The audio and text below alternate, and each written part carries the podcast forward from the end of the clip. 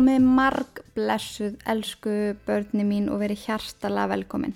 Inga Kristjáns er hérna með ykkur og þið eruð að hlusta á hlaðvarpstáttin Íllverk.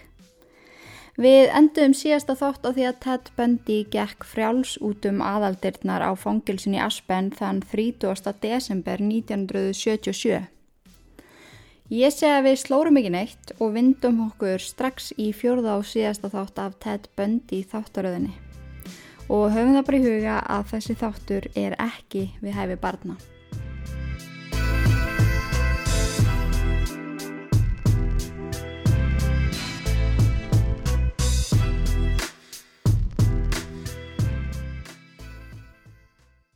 Ted gekk eins og kom fram út um aðaldirnar á fangilsin í Aspen í lauruglubúning sem að hann hefði stólið. Hann stál síðan bíl sem að stóð ólegstur fyrir aftan bensinstöð og kerði austur í burtu frá Glenwood Springs. Eftir að hafa kerti um tvo klukkutíma fór bílinn að hæja á sér og bensínmælirinn en bensínmælirinn segir sérst að tankurinn sé halvur en Ted velti fyrir sig hvort að mælirinn væri kannski bilaður. Það var fljóðlega ljóst að hann var ekki á leiðinni neitt á þessum bíl og kom honu fyrir út í kant og hjælt áfram fótgangandi, klættu lauruglubúning. Eldri maður klættur leðri frá topp til táar stoppaði hjá Ted og spurði hvort að honum vantaði nokkuð far. Eftir nokkra sekundur á því að virða þennan leðuklætta mann fyrir sér þáði Ted farið. Hann satt aftan á hjólinu og reyndi að halda sér án þess að þurfa að grýpa utanum mittið á þessum manni. Þeir fóru saman um 97 km að veil en þaðan kefti Ted sér rútu með til Denver og svo flugum við það frá Denver til Chicago. Á meðan Ted ferðaðist voru lauruglumenninir í Utah og Aspen að þurka stýrnur augunum á gamlastak. Allt var svo rólegt og notalegt og fólk duttaði við að undirbúa goðan mat fyrir kvöldið því að þennan dag var gamla ári kvart og árinu 1978 fagnað. En róliheitunum var hins vegar raskað þegar fangaverður á vakt kíkti inn í klefanist Ted. Í fljótubræði virtist hann liggjandi sengi í fastasvefni en þegar hann hreyðist ekki þegar fangaverðurinn kallaði nafni hans ákvaðan að fara inn og aðtöga hvort það væri ekki allt í góðu. Það sem var undir senginni var grjótart og oddkvast. Það spratt fram kaldu sviti á enni fangavarðarins. Hann tók í hornið á senginni og reyf hann af. Búm! Risastór haugur af lagabókunum að stætt sem hafði þarna 17 klukkustund af forskot á ringulreiðina sem var í þann mynda hefjast. Ted ferðast með lest frá Chicago til Ann Arbor, Michigan og þar eitti hann fimm dögum, svafa mótili undir fölskunafni og sat á litlum pub á kvöldin og fyldist með íþróttum í sjórfinu. Hann stál svo öðrum bíl og keirði af stað til Atlanta og þaðan tóka rútu til Tallahassee, Florida. Frettir af strókufangunum fóru eins og eldurum sinu um allan heim og þarna komst Ted Bundy á lista yfir FBI Most Wanted. Það voru settir upp vegatálmar og myndum af honum voru, var dreift um öll bandrikinn og engin ungkona var talin óhullt á meðan Ted Bundy gekk laus. Þann 8. janúar legði Ted Herbyggi á hóteli sem heitir Holiday Inn sem er rétt hjá FSU, gamla skólanum mínum. Já, já, já, ég, var, ég varð að taka þennan brandara með inn þegar ég sá skamstöðunina en ég var sérst í uh, mentaskóla á Salfossi sem heitir FSU og ég man að ég skýrði á Facebook, maður gæti svona sagt í hvaða skóla maður var og ég var í Florida State University. Samt var ég bara í FSU á Salfossi. uh, Heimin og haf þáðan á milli. En já. Uh, du, du, du, þessi brandari tók mig alveg út af læginu hann var bara ofgóður en hann kallaði sig þarna á hótelinu Chris Hagen og planið hans var að finna sér ykkur að leila og vinnu og reyna eins og hann gata veki ekki neina aðtökla á sér hann var vissum að ef hann takist það í svolítinn tíma myndi þetta allt saman gleymast og hann geti haldi áfram með lífsitt sem frjáls maður Það reyndist samt erfitt fyrir hann að fá vinnu þar sem að vinnuveitendur kröfðust þess nú yfirleitt að fá allavega legit kennitölu, bankunúmer og, og fleiri upplýsingar sem að TED gæti ekki veitt.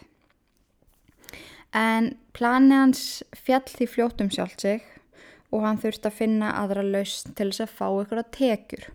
Og hann bráð þá þá ráð að stela úr veskum af konum sem að sátu á kaffihúsum og, og ræna á búðum og, og reyndi þar mat og öðrum nöðsinum. Hann hjælt sér ekki lengi við þá ákverðun um að láta lítið fyrir sér fara og reyna eftir fremstu getu að komast ekki kastu lögin en málið var að gerndin var bara það mikil. Þráinn var svo ótrúlega sterk og hann gat ekki haldið sér á réttri braut um Hans innræðili varð að brjótast fram því annars myndi hann bara springa að hans eigin sögn. En þann 15. janúar 1978 fór morðingin og nöðgarinn aftur á stjá. Hann bröst inn í hús sistrafélagsins Chi Omega sem stóð á Lóð Florida State University í Tallahassee. Klukkan var kortur í þrjú eftir minnati og ungu stúlkunnar sem byggu þarna allar í fasta svefni. Hann laumæst inn í fyrsta herbyggið sem var í eigu Margaret Baumann, 21 ás. Hann barðana til óbúta með timburdrömp úr eldstæði húsins og kláraði svo verkið með nælonsokkaböksum sem hann vafiði þjættingsfast um hálsennar. Næst var það Lisa Levi sem svaf fast í herbyggin á móti. Hann barði hana með sama viðadrömp til óbúta. Batt nælonsokkaböksur þjættum hálsin hennar beit svo fast í aðra gerfirtun á henni að hún hjakk á nokkrum skinntaumum og skildi svo eftir djúft bitfar á annari raskinni á henni. En þetta bitfar átti eftir að koma sér vel setna meir fyrir þá sem að rannsökuðu málið.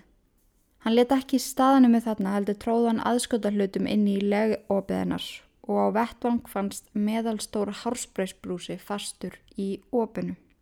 Á þessum tímapunkti hefur Ted verið líst sem styrluðu manni, svo óendala geðsjúkum að hugur hans var á algjörum autopilot. Ekkert gætt stoppaðan og minningarnar af þessum atbyrði áttu eftir eru í móðu daginn eftir. Hliðin á Ted sem svefst einskis, sem hafði enga samvösku og var líst sem djöful í mannsmynd, gekkum tí og mega þetta kvöld. Klári, myndalegi, skemmtilegi og yfirmiðalagi gáði Ted var langt undan þetta kvöld. Ted gekk næst inn í herbeggi Kathy Kleiner. Hann brauði á henni kjálkan með handablinu einu saman og tókaði svo fast í axlunar á henni á meðan hann tók hana aftanfrá að þær fóru báðar úr lið. Maður getur ekki á neittnhátt ímynda sér sársökan sem vesalingstelpan og allar þessar stelpur fóru gegnum. Næst var það Karen Chandler sem hann kýldi tauiskifta í andliti. Braut á henni kjálkan, braut úr henni flesta tennunar og olli henni alvarlegum heilarhisting og kramdi nær hvert einasta bein í fingurunum hennar. Kathy og Karen, ótrúlegt hann satt, livðu þennan horror af. Ted var vissum að hann hefði gengið frá þeim, en það gerði hann ekki. Mögulega gáttu þær Með sinni vittnesku og sinni upplöfun komið þessum sjúkling bak við lás og slá. En minningarnar eftir svona atburð eru takmarkaðar. Hvoru þeirra gekk fullkomlega heildi skóar eftir þetta allt saman og lifa enn í dag við króniskan líkamlegan sársöka og mikla raskanir á geðhelsu. Þar hafa þó báðar sagt sjögu sína og lagt sitt að mörgum til að fræða unga stelpur og reynda að nota sína skjálfilegur einslu til góðs. Ted hljópa brott úr húsinu og út í myrkrið. Hann segi frá því setna meir að ástæðan fyrir því að hann hafi forðað sér úr húsinu var bíljós sem lístu inn úr glukkan eða það var bíl að snúa sér sérst á planinu fyrir utan húsið og í nokkra mínútur lístu í nokkra sekundur fyrir geði lístu framljósin inn sem gerði Ted hrættan um að einhver væri að koma inn. 15 myndum setna var Ted búin að brótast inn um klukkan á kjallara íbúð sem var í 8 mínúnda göngu færi frá G Omega. Hann réðst þar á Cheryl Thomas sem var líka nefandi í FSU. Hann barði hana til óbota, naukaði henni og skildi hana eftir nær dauða en lífi. Draumurinn hennar var að ferðast um heiminn og dansa. Hún hefði æft dans frá því hún var lítill krekki en eftir þessa tilgangslausu og anstíkilegu líkansar árás þurfti hún að lifa lífinu heyrnalaus og hreyfihamluð sem gerði það verkum að dansferðlin hennar var ekki lengri, bara út á störtlum þrám í einhverjum geðveikum kalli. Þótt grunur líka á að Ted Bundy var á ferðinni var í rauninni ekki hægt að sanna það á neitt nátt, allavega ekki eins og málið stóð akkurat þarna. Þegar Svefnarbyggi Cyril Thomas var rannsakað fannst sæðisblettur í rúminu og síðan við krupningu á Lísu Levi fannst þetta djúpa og skýra bitfar og þetta tvent átti eftir að koma sér vel í rannsókn Rúin tvei mánuðum eftir að hann slapp á fangilsinu eða þann 8. februar keirði Ted 240 km austur til Jacksonville í stolnum sendibíl í eigu FSU. Á bensinstöðaplani rétt eftir að Ted rendi inn í bæin narraði hann inn í bílti sín hinn að 14 ára gamlu Leslie Parmenter sem var dóttir yfir laurugluþjónsins á aðalstöðum í Jacksonville. Hann nálgæðis Leslie undir fölsku nafni og kallaði sig Richard Burton, slekkulismann, sem þekkti nú vel til föðurinnar, sagðan. Planið hans hins verð fór algjörlega í vaskin þegar eldri bróður Leslie kom gangandi að bylnum og saði honum að láta sýstu sinna í friði. Þau könnuðust ekkert við hann og þau varu mjög kunnug öllum vinum föður hans, eða föður þeirra. Þetta atvik hefur farið algjörlega öfugt ofan í þetta sem að hann fór beinalegi gegnum bæin og kerði aðra 97 km til Lake City en hann hafði planað að vera í, í hérna, þessum bæ í svolítinn tíma en það er eitthvað sem að hefur, hann er orðið eitthvað hættuð þannig að hann keiri þarna nær 100 km í burtu. En snemma morguns eftir komu hans í Lake City krúsaði Tetum hverfinn til að koma auga á eitthvað sem hún leitist vel á og eftir nokkra leit kom hann auga á hérna 12 ára gamlu Kimberly Diane Leeds sem að röldi rólega eftir gangstéttinni í áttaheimilinu sinu. En hún hefði verið sendt heim úr tíma í skólanum þar sem hún hefði glemt skólatöskunni sinni heima. Bærin var ekki stór og fólk þekktist þarna vel í hverfunum og börni voru talin alls í örug þóttu væri einn á ferðinni. Það viðhorf átti eftir að breytast eftir dvöldið böndi í bænum því Kimberly kom aldrei aftur tilbaka og hvarf þennan dag af yfirborði gerðar. Allavega sálinn hennar og káti personleikin. Lík hennar fannst sjö vikum síðar eftir þunga og mikla leit í svínastíu á Víðavangi rétt hjá súgun í River State Park og þar hafðu svínin getið það, það af henni sem þeim listi en skilið eftir rest til að rótna. Á þessu stíi málsins þarf ekki að segja ykkur hvað Ted gerði við hana og hvernig hann mörkaði úr henni lífið.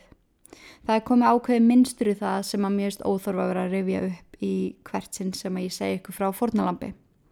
En mér finnst samt mikilvægt að þið vitir nöfnstelpnana sem að urðu hans bráð. Við getum hugsað þeirra og þeirra nánustu og vottaðum virðingu okkar.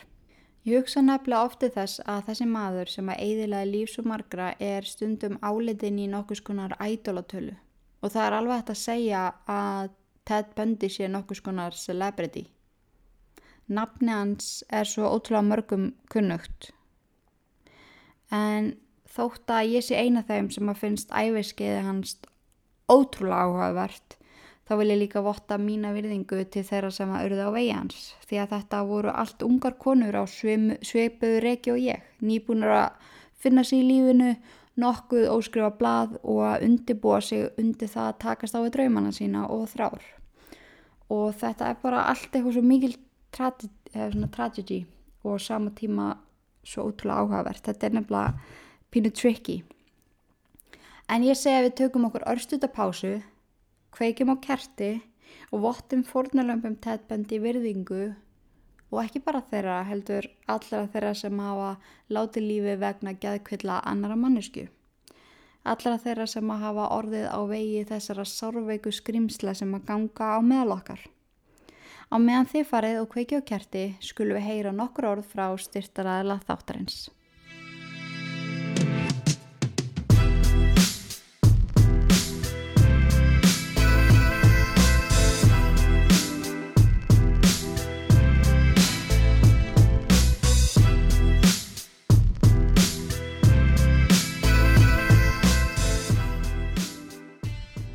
Ég hef unni með línbóti núna í næstum þrjú ár og ég algjörlega elska allt þetta fyrirtæki.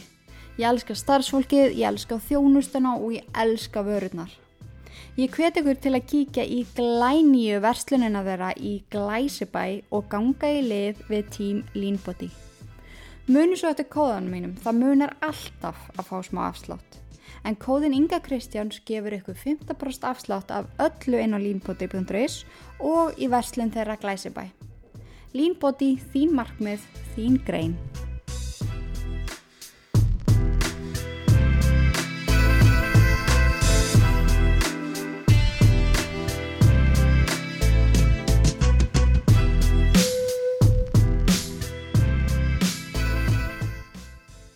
Jæja, komið sæl og blessuð og marg velkomin tilbaka. Það er alltaf gott að taka smá pásu og ræða fæðubóta efni svona í miðjum raðmórðingu þætti.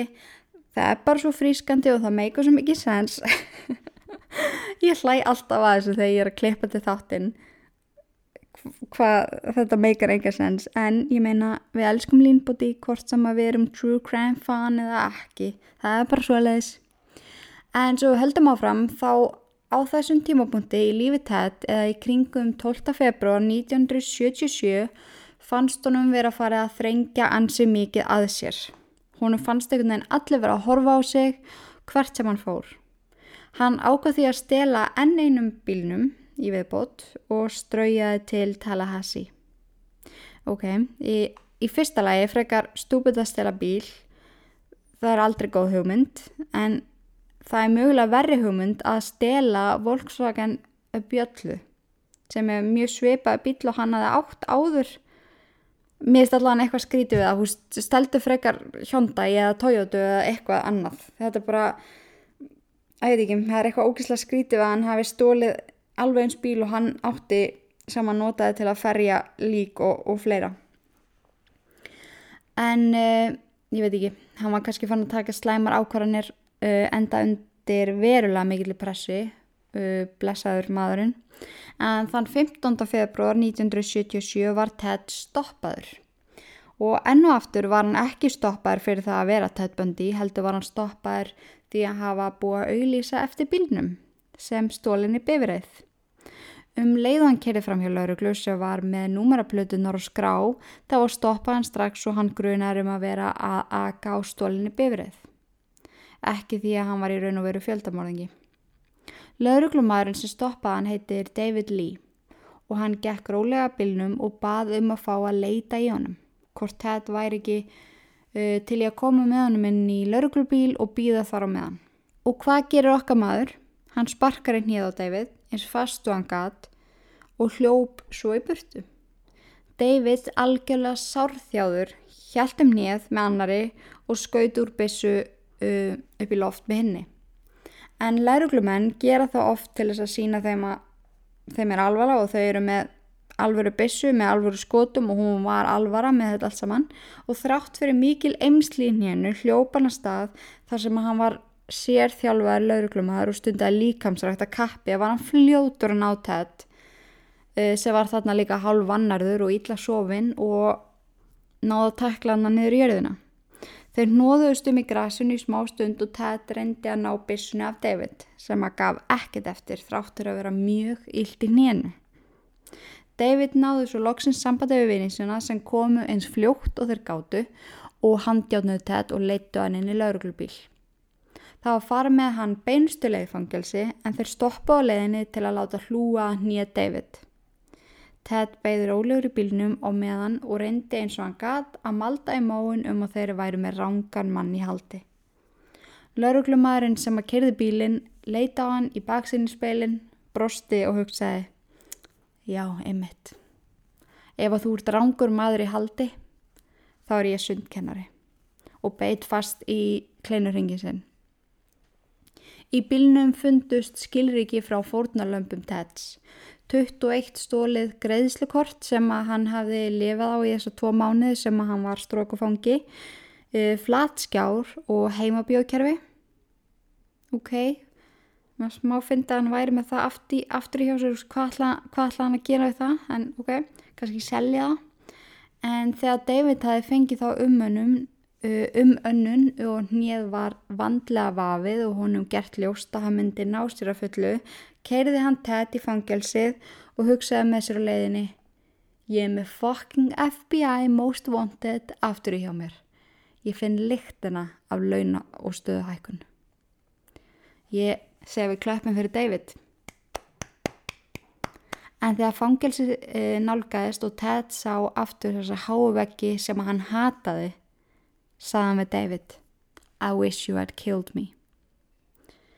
Tveim árum síðar eða í júni 1979 var komið að réttar höldunum, já ég er búin að vera að vanda mig og æfa mig að segja þetta orð, vegna 10 megamálsins.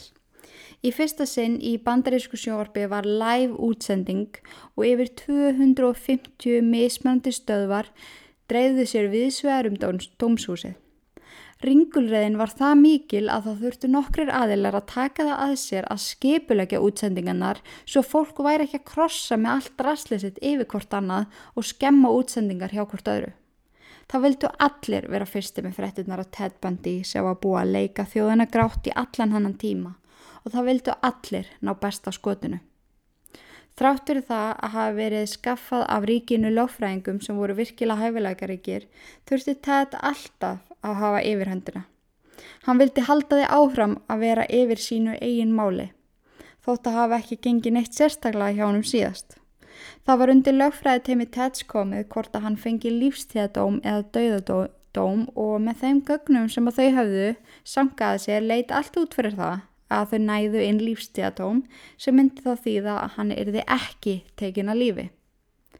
Það er tekið mjög alvarlega þegar sínti fram á að skjólstæðingur sé með alvarlega geraskanir og hann var svo sannlega með das af þeim.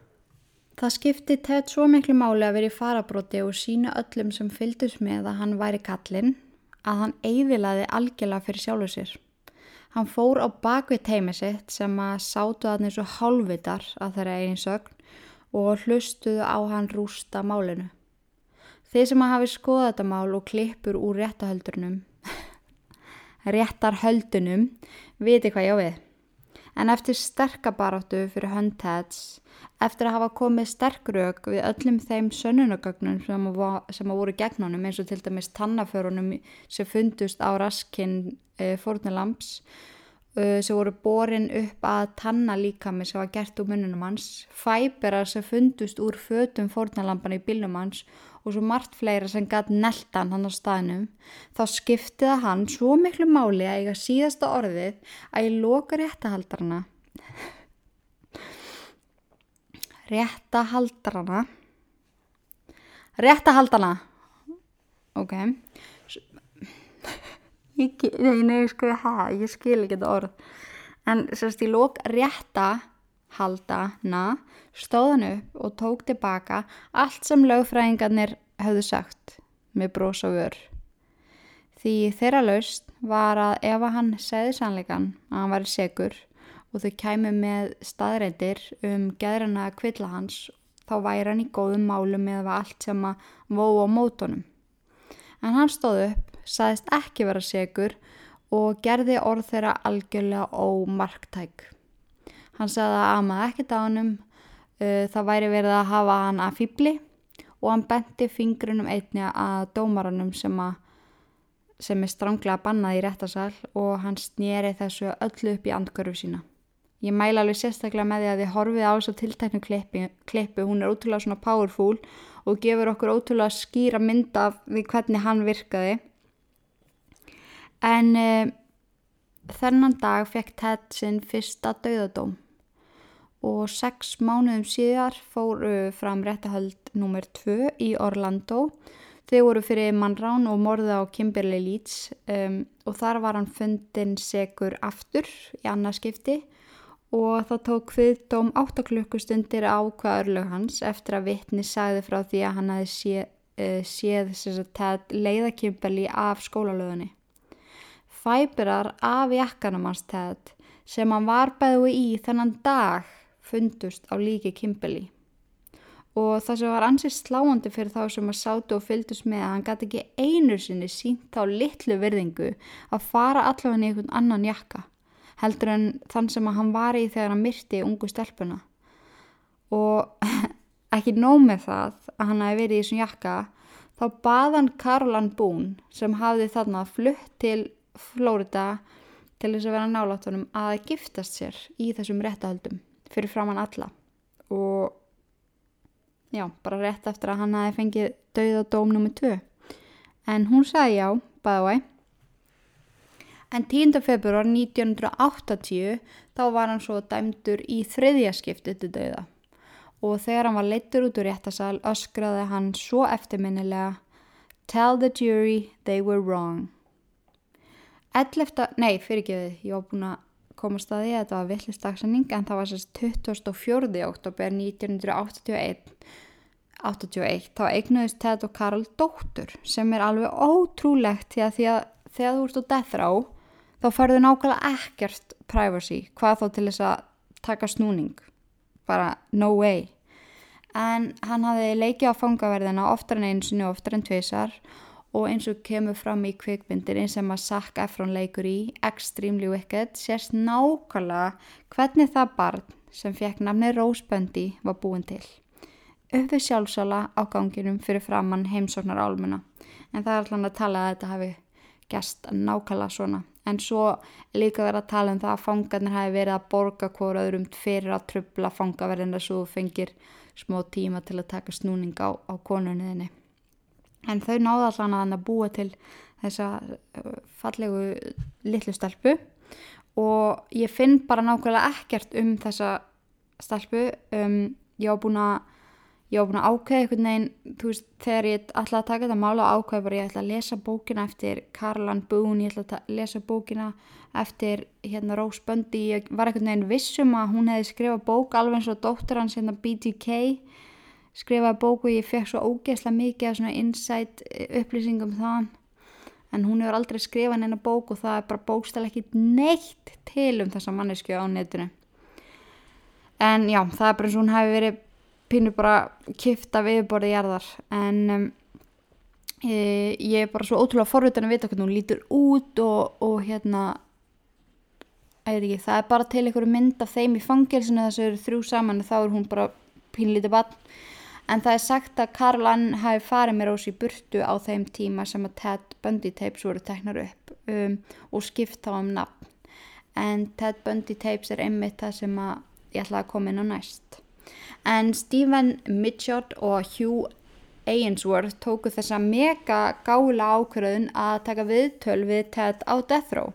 Og þessi viðtöl komu upp um svo ótrúlega mikið upplýsingum og gáðu okkur hinn um svo óendilega mikla vittnesku en þeir þú veist, þeir eitti ykkur um sko ruggl mörgum klukkutíma með tætt og sátu og sátu og sátu og sátu og sátu með honum eittu mörgum mánuðum og árum í þetta reyna að fá uppur honum og á endanum fáum við viðtalið sem ég ætla að spila í þessum tætti en svo ég komi líka aðeins inn á mína óvinnsalu skoðun og af hverju ég er að taka tætt böndimáli það er svo mörgum sem finnst það svo þreytt dæmi en um, það halda öruglega með margir að ég hafi eitthvað sérstaklega áhuga á fjöldamorðingum og, og morðum. Það er svo innilega ekki þannig Vist, ég elska ekki morð, mér finnst morð ekki áhugavert.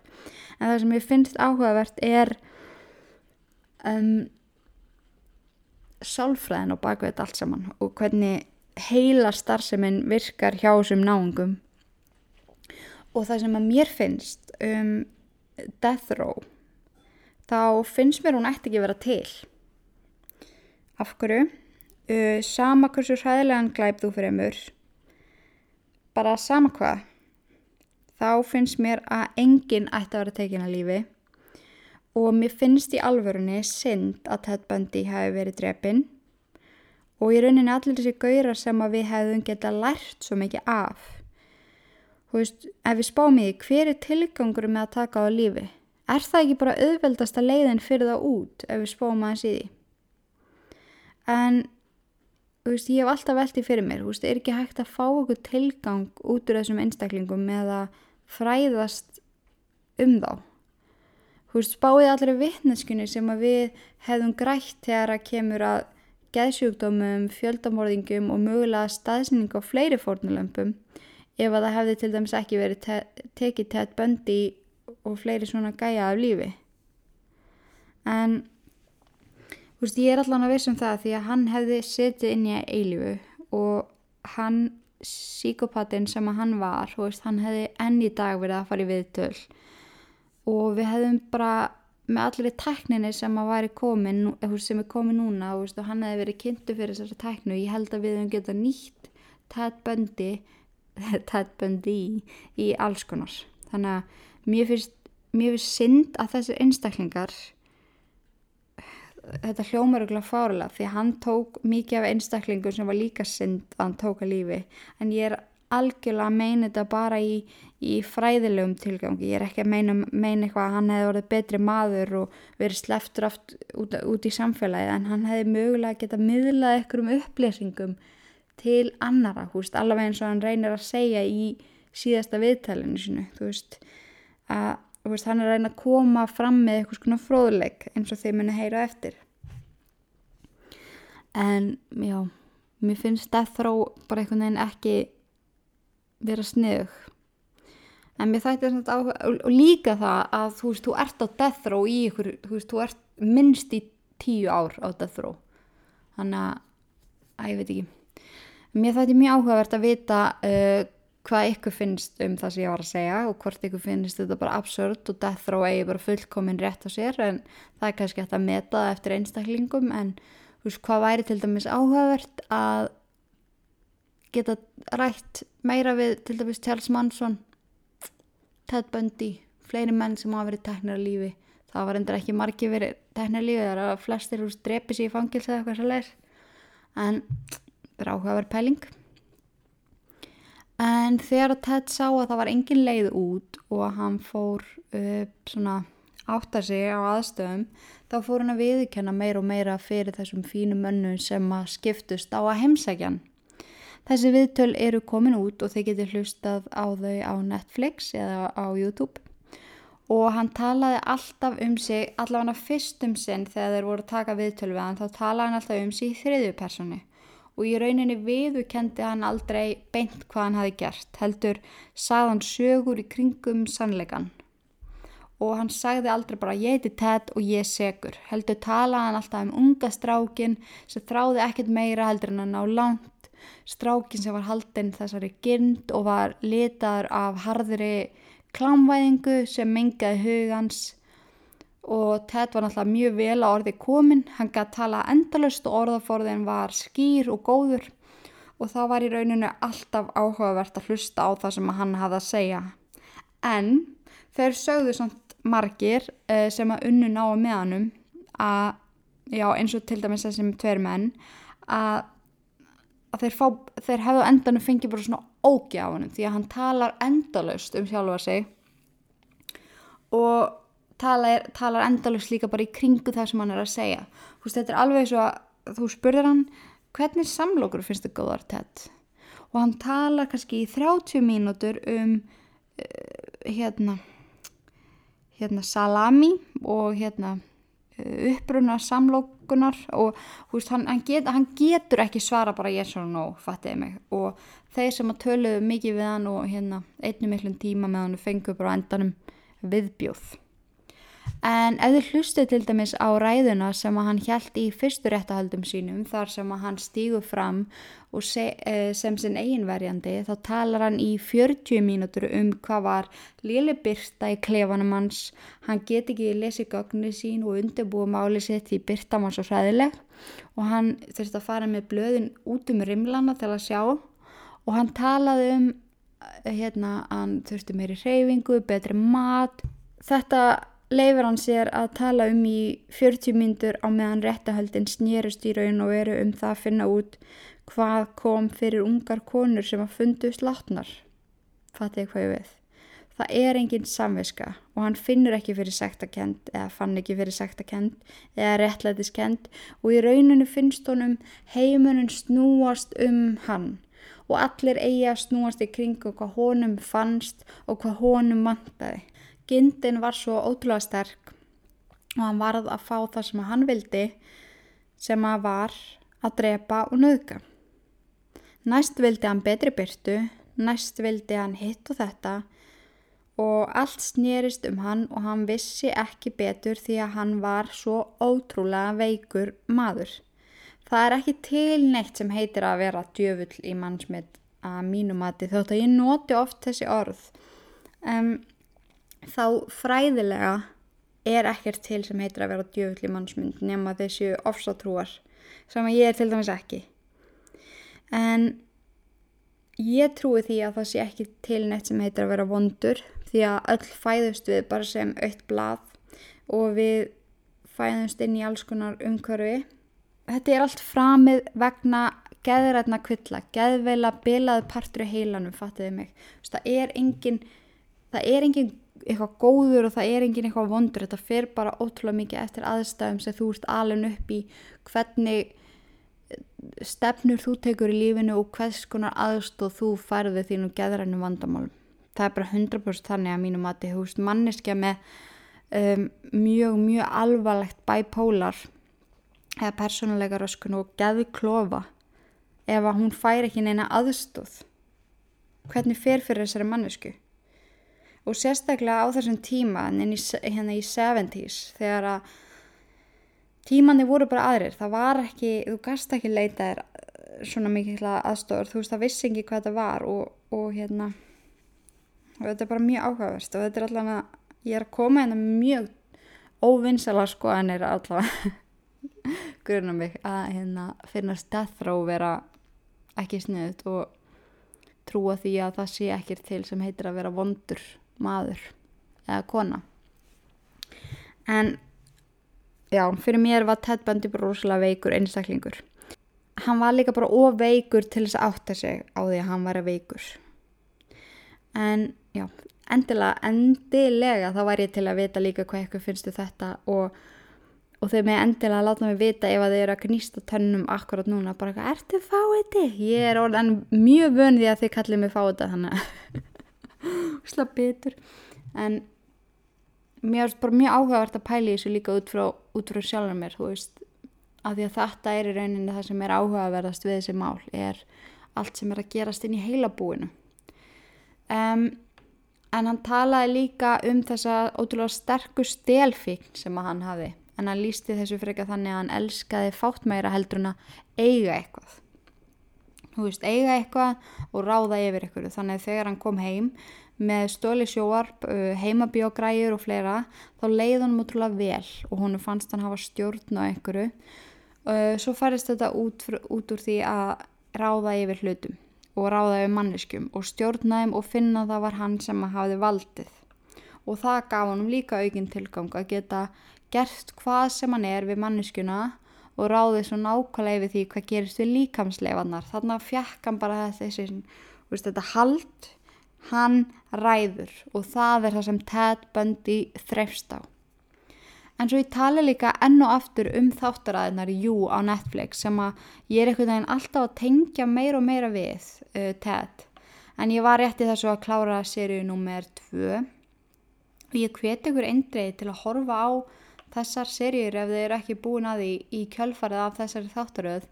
Því að, nei sko, mér finnst í alvegni, alveg eins og ég sagði ykkur í síðast áttu, mér finnst þetta svo magnað, ég veit að þessi þættir eru ekki byggðir á Ted Bundy en þetta er byggt á alls konar upplýsingum og vitndesku en þið sjáuð ótrúlega mikið um, þessa þráhyggju fyrir það eiga, fyrir að stjórna og dikteta lífi eitthvað sannast og alveg svo þið sjáum aðalkarakterin í Jú að um leið og hann var búin að eignast það sem hann vildi þá færði hann sig yfir í það næsta. Og það var í rauninni ekkert sem að endist til lengri tíma. Því að gindin var bara svo mikið. Þú veist manneskja á þessu kaliberi þarf alltaf að vera að upplifa aftur og aftur þessa tilfinningu því annars fær hann bara þessa tómleika tilfinningu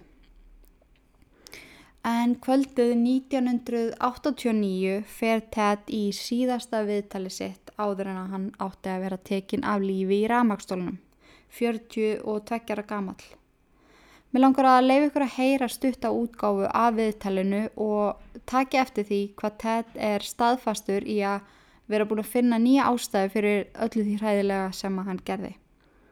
Hann hafði í raun aldrei rætt þetta neitt sérstaklega áður en eftir að Guð fyrirgaf honum og tók hann í sátt fór hann að gera sig grein fyrir því að það er eitthvað ákveð sem að heldtákan og það var klám og ofbeldi blanda saman í eitt. Og í staðin fyrir þess að sína, uh, í stað þess að sína vott af saktakend yfir því að hann hafi drepið fullt af ungum konum þá eigður hann nær öllum tíman með að ræða þetta og þegar hann fær svo tækifæri til þess að tala beinti þeirra sem að sátu í sáru sínum eftir að hafa mistið eitthvað sem að þau elskuðu nýtir hann ekki tækifærið. Virkilega áhugavert viðtal og sínir okkur það ennþá betur að það var ekkert í Ted Bundy síðan samviska. Ted, after you committed your first murder, what was the emotional effect on you? What happened in the days after that?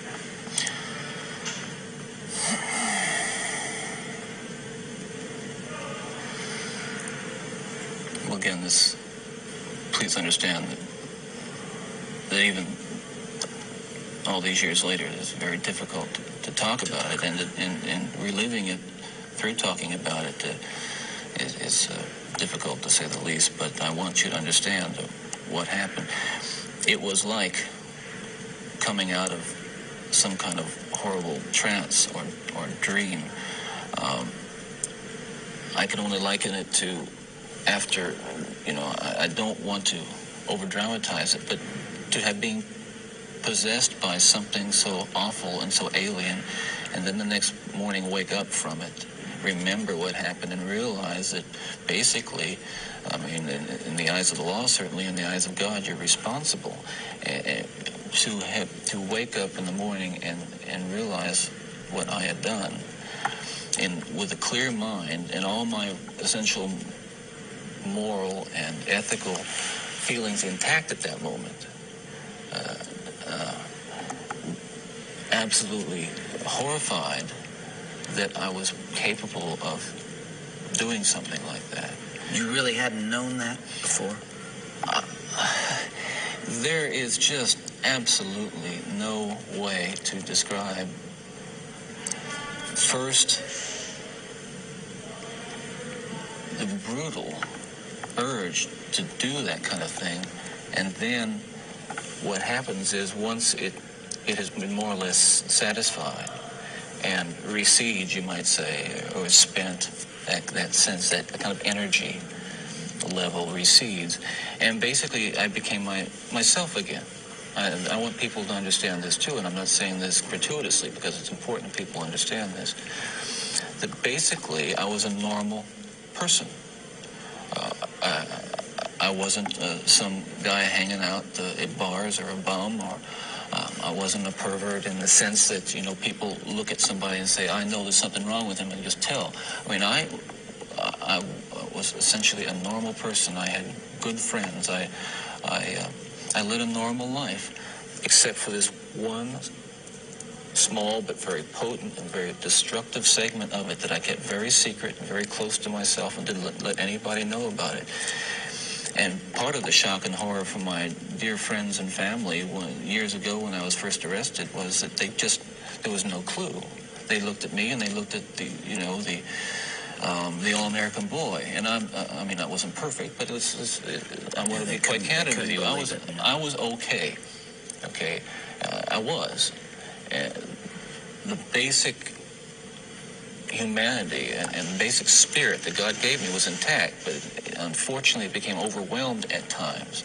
And people need to recognize that it's not some kind of the, the, the, those of us who are who have been so much influenced by violence in the media, in particular pornographic violence, are not some kinds of inherent monsters.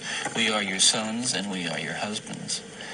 And we grew up in regular families. And pornography can reach out and snatch a kid out of any house today. He, he snatched me out of my home. It snatched me out of my home 20, 30 years ago. And as diligent as my parents were, uh, and they were diligent in protecting their children, and as good a Christian home as we had, and we had a wonderful Christian home, uh, there is no protection against the kinds that the kinds of influences that are loose in a society that, that, that tolerates. You, you feel this really deeply, don't you? Ted, outside these walls right now, there are several hundred reporters that wanted to talk to you. Yeah. And you asked me to come here from California because you had something you wanted to say. This hour that we have together uh, is not just an interview with a man who's scheduled to die tomorrow morning. I'm here and you're here because of this message that you're talking about right here. You really feel that hardcore pornography and the doorway to it, softcore pornography, is doing untold damage to other people and causing other women to be abused and killed the way you did others. Listen, I'm no social scientist, and I haven't done a survey. I mean, I, I don't pretend that I know what John Q. Citizen thinks about this. but I've lived in prison for a long time now. And I've met a lot of men who were motivated to commit violence just like me. And without exception, every one of them was deeply involved in pornography without question, without exception, deeply influenced and consumed by an addiction to pornography. There's no question about it. The FBI's own study on serial homicide shows that the most common interest among serial killers is pornography. That's true. And it's and it's real. It's true. Ted, what would your life have been like without that influence?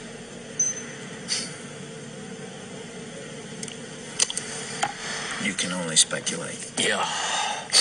Well, I, I know it would have been far better, not just for me, and and it's, uh, excuse me for being so self-centered here. It would have been a lot better for me and lots of other people. I know that lots of other innocent people, victims and families. It would have been a lot better. There's no question, but that it would have been a, a, a- fuller life. Uh, certainly, uh, a life that would not have involved. I'm absolutely certain would not have invol- involved this kind of violence that I have been, that I have committed. I'm Uh, sure, Ted, if you know, if I were able to ask you the questions that are being asked out there, uh, one of the most important as you come down to perhaps your final hours, are you thinking about all those victims out there and their families Well, who are so wounded? You know, years later, their lives have not returned to normal. They will never return to normal. absolutely. Are, are you carrying that load, that weight? Is the remorse there? Again, I, I know that people will accuse me of being self-serving, but we're beyond that now. I mean, I'm just telling you how I feel. But through God's help, I have been able to come to the point where I've much too late, but better late than never, feel the hurt and the pain that I am responsible for. Yes, absolutely. In the past few days, myself and a number of investigators have been talking about unsolved cases murders that I was involved in. And it's hard to it's hard to talk about all these years later because it revives in me all those terrible feelings and those thoughts that I have steadfastly and and, and, and diligently dealt with, and I think successfully, with the love of God. And yet it's reopened that, and I felt the pain, and I felt the horror again of all that. And I can only hope that those who I've harmed, those who I've caused so much grief, even if they don't believe my expression of sorrow and remorse, will believe what I'm saying now, that there is loose in their towns and their communities people like me today whose dangerous impulses are being fueled day in and day out by violence in the media in its various forms, particularly sexualized violence. And what scares me, and let's come into the present now, because what I'm talking about happened 30, 20, 30 years ago. That is, in my formative stages. And what scares and appalls me, Dr. Dobson, is what I see what's on cable TV. some of the movies. I mean, some of the violence in the movies uh, that come into homes today with stuff that they that they wouldn't show in X-rated adult theaters 30 years ago. This stuff, The slasher movies that you're talking about. that stuff is, I'm telling you from personal experience, the most that is graphic violence on screen, particularly as it gets into the home to children who may be unattended or or unaware that they may be a Ted Bundy who has that, that vulnerability to that that predisposition to be influenced by that kind of behavior, by that kind of, of, uh, movie, that kind of violence. There are kids sitting out there switching the TV dial around and come upon these movies late at night or I don't know when they're on, but they're on and any kid can watch them. It's scary when I think what would have happened to me if I had seen. I mean, scary enough. I mean, that I just ran into stuff outside the home, but to, be, to, to know that children are watching that kind of thing today, or can pick up their phone and dial away for it or send away for it. Uh, Can you help me understand this desensitization process that took place? Uh, what was going on in your mind? well, by desensitization, I, I describe it in specific terms is that each time I'd harm someone, each time I'd kill someone, there'd be an enormous amount, uh, uh, especially at first, uh, enormous amount of, of, of horror, guilt, remorse afterwards. But then that impulse to do it again would come back even stronger. Now, believe me, I didn't. It, it, the unique thing about how this worked, Dr. Dobson, is that I still felt in my regular life the full range of, of guilt and, and uh, remorse about other things, uh, regret, and uh, you had this compartmentalized. this compartmentalized, very well focused, uh, uh, um, uh, very sharply focused area where I, it was like a black hole. It was like a, you know, like a crack, and everything that fell into that crack just disappeared. Does that make sense? Yeah, it does. Uh, one of the the final murders that you committed, of course, uh, was apparently little Kimberly Leach, 12 years of age. Uh, I think the, the public outcry is greater there because an innocent child was taken from a from a playground. What did you feel after that? What Was there were there the normal emotions three days later? Where were you, Ted? I. I can't really talk about that right now. That's we. That's too painful. I would like to. Uh, I'd like to be able to convey to you what that that uh, that experience is like, but I can't. I won't be able to talk about that. Okay.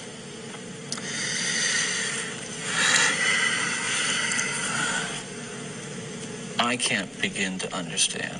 Well, I can try, but I, I'm aware that I can't begin to understand the pain that the parents of these of these children that I have and these young women that I have harmed feel, and I can't restore really much to them, if anything. I won't pretend to, and I don't even expect them to forgive me, and I'm not asking for it. That, that kind of forgiveness is of God, and if they have it, they have it. If they don't, well, maybe they'll find it someday.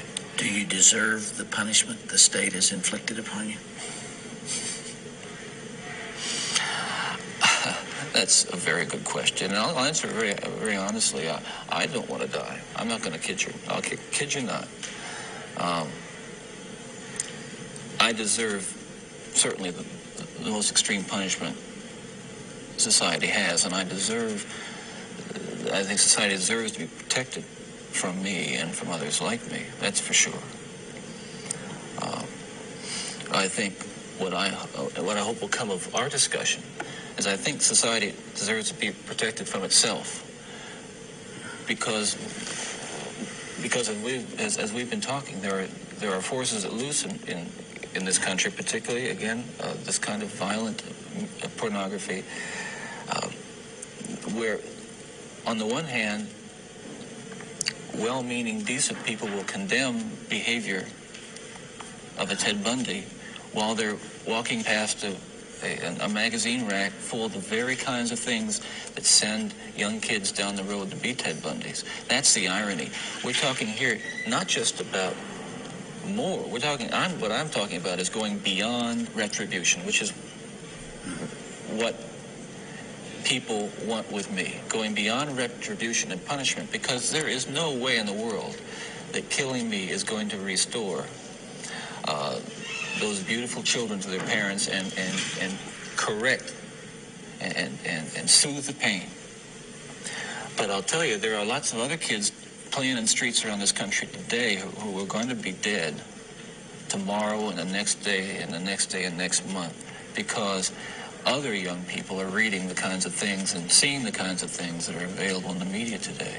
Ted, as you would imagine, there's tremendous cynicism about you on the outside, and I suppose for good reason. Uh, I'm not sure that there's anything that you could say that people would uh, would believe. Some people would believe. Yeah. And uh, and yet, you told me last night, and I have heard this through our mutual friend John Tanner, that you have uh, accepted the forgiveness of Jesus Christ and uh, are a follower and a believer in Him. Do you draw strength from that uh, as you approach these final hours? I do. I can't say that uh, It's going to be being easy. in the the valley of the shadow of death is is something that I've become all that accustomed to, and then I'm you know, and that I'm strong and uh, uh, nothing's bothering me. Uh, listen, it's no fun. It's it's it, you know it's it's uh, it's gets kind of lonely, and yet I have to remind myself that every one of us. Uh, will go through this someday in one way or another, and, and countless uh, millions who have walked this earth before us have. So this is just an experience which we all share. Ted var svo tekinn á lífi klukkan 07.16 þann 24. januar 1989. Hundruður einstaklinga byðu fyrir utan fangelsið að tilkynningin kemi út að Ted væri dáin. Fólk söng vísuna Burn, Bundy, Burn og seldi á staðnum allskins bóli, derhúur og nælur með allskins listaverkum fullar af hatri til Ted. Síðustu orðin hans voru skiliði ást til vina minna á fjölskyldu. Síðan var hettan lögði yfir ný krúnurakað höfuðans og ramagsvýrarnir tengdir utanum öklan hans. Fólki fann skemmtilegt nokk að það var kona sem ítti á takkan og tók tætt af lífi. Þegar tilkynningin kom út, rópaði fólkur hamingu, sprengdi upp flugvelda og söng gleðisönga. Einn allræmdasti glæpamaður, morðingi og nöðgari var loksins döður. Áður við lokum Ted Bundy kaplanum alveg maður að segja ykkur nokkrar áhugaverðar staðrendur um hann sem hann er dettu kannski ekkert endilega í hug að leita sér upplýsingum en ég ætlaði ekki að hafa þetta með henni í þáttunum ég var bara að googla náttúrulega the shit out of this og ég fann þetta bara svona randomli þannig og þetta er eitthvað sem að mér fannst áhugaverð þannig að ég ætla að koma segja ykkur frá þessu þannig að við endum ekki á allt og þunglindum nótum En númer eitt, þá er kvikmyndin Silence of the Lambs, beigð á lífi Ted. Ég ætla að horfa á hana á eftir, því að ég hef aldrei séð hana. Um, já, hún er kannski ekki beigð á lífin hans, heldur meira glæbunum hans. Og númer tvö, sam, uh, samkvæmt læknaskíslum var Ted með 20,5 cm lem, sem þykir heldur stórt. Mm Númer þrjú, Það eru enn í dag konur sem láta sér dreyma um að sofa hjá honum. Það er til klúpur, ég er að segja það. Númi fjögur, þetta var 177 cm á hæð. Hann notaði skónúmer 44. Hann var bógamæður í stjórnumerki og hann var með blá augu, ekki brún. Ég held alltaf að hann var með brún augu en það er sagt að, að þegar hann var vennilegur og svona hinn rétti tætt þá var hann með ljósblá augu en þegar hann var hintað sérst vondi Ted var með svört augu og þetta er mjög áhugavert því að ef þið googlið myndir á honum þá hérna ef maður ángrís það er bara 50-50 hvort hann sé með úps, ég hans ég búin að hrinda mæknum þá er það bara 50-50 hvort hann sé með blá eða svört en þetta var fjóruði og síðasti partur af Ted Bundy þáttaseríinu Ég viðkenni að á sama tíma og þetta var sjúklega gaman að fara yfir þá er ég ótrúlega fegin að lóka þessum kabla. Þetta var svo mikið efni, þungt og maður þróa með sér ótrúlega blendna tilfinningar einhvern veginn í þessu öllu saman. En ég hlakka ótrúlega til að heyra meira um hvað þið hafið um þetta að segja. En elsku góðhjörtu mannsbönni mín, takk fyrir að hlusta, takk fyrir að vera til og í guðanabænum forðist öll ítlverk nema þetta podcast. Verið sæl.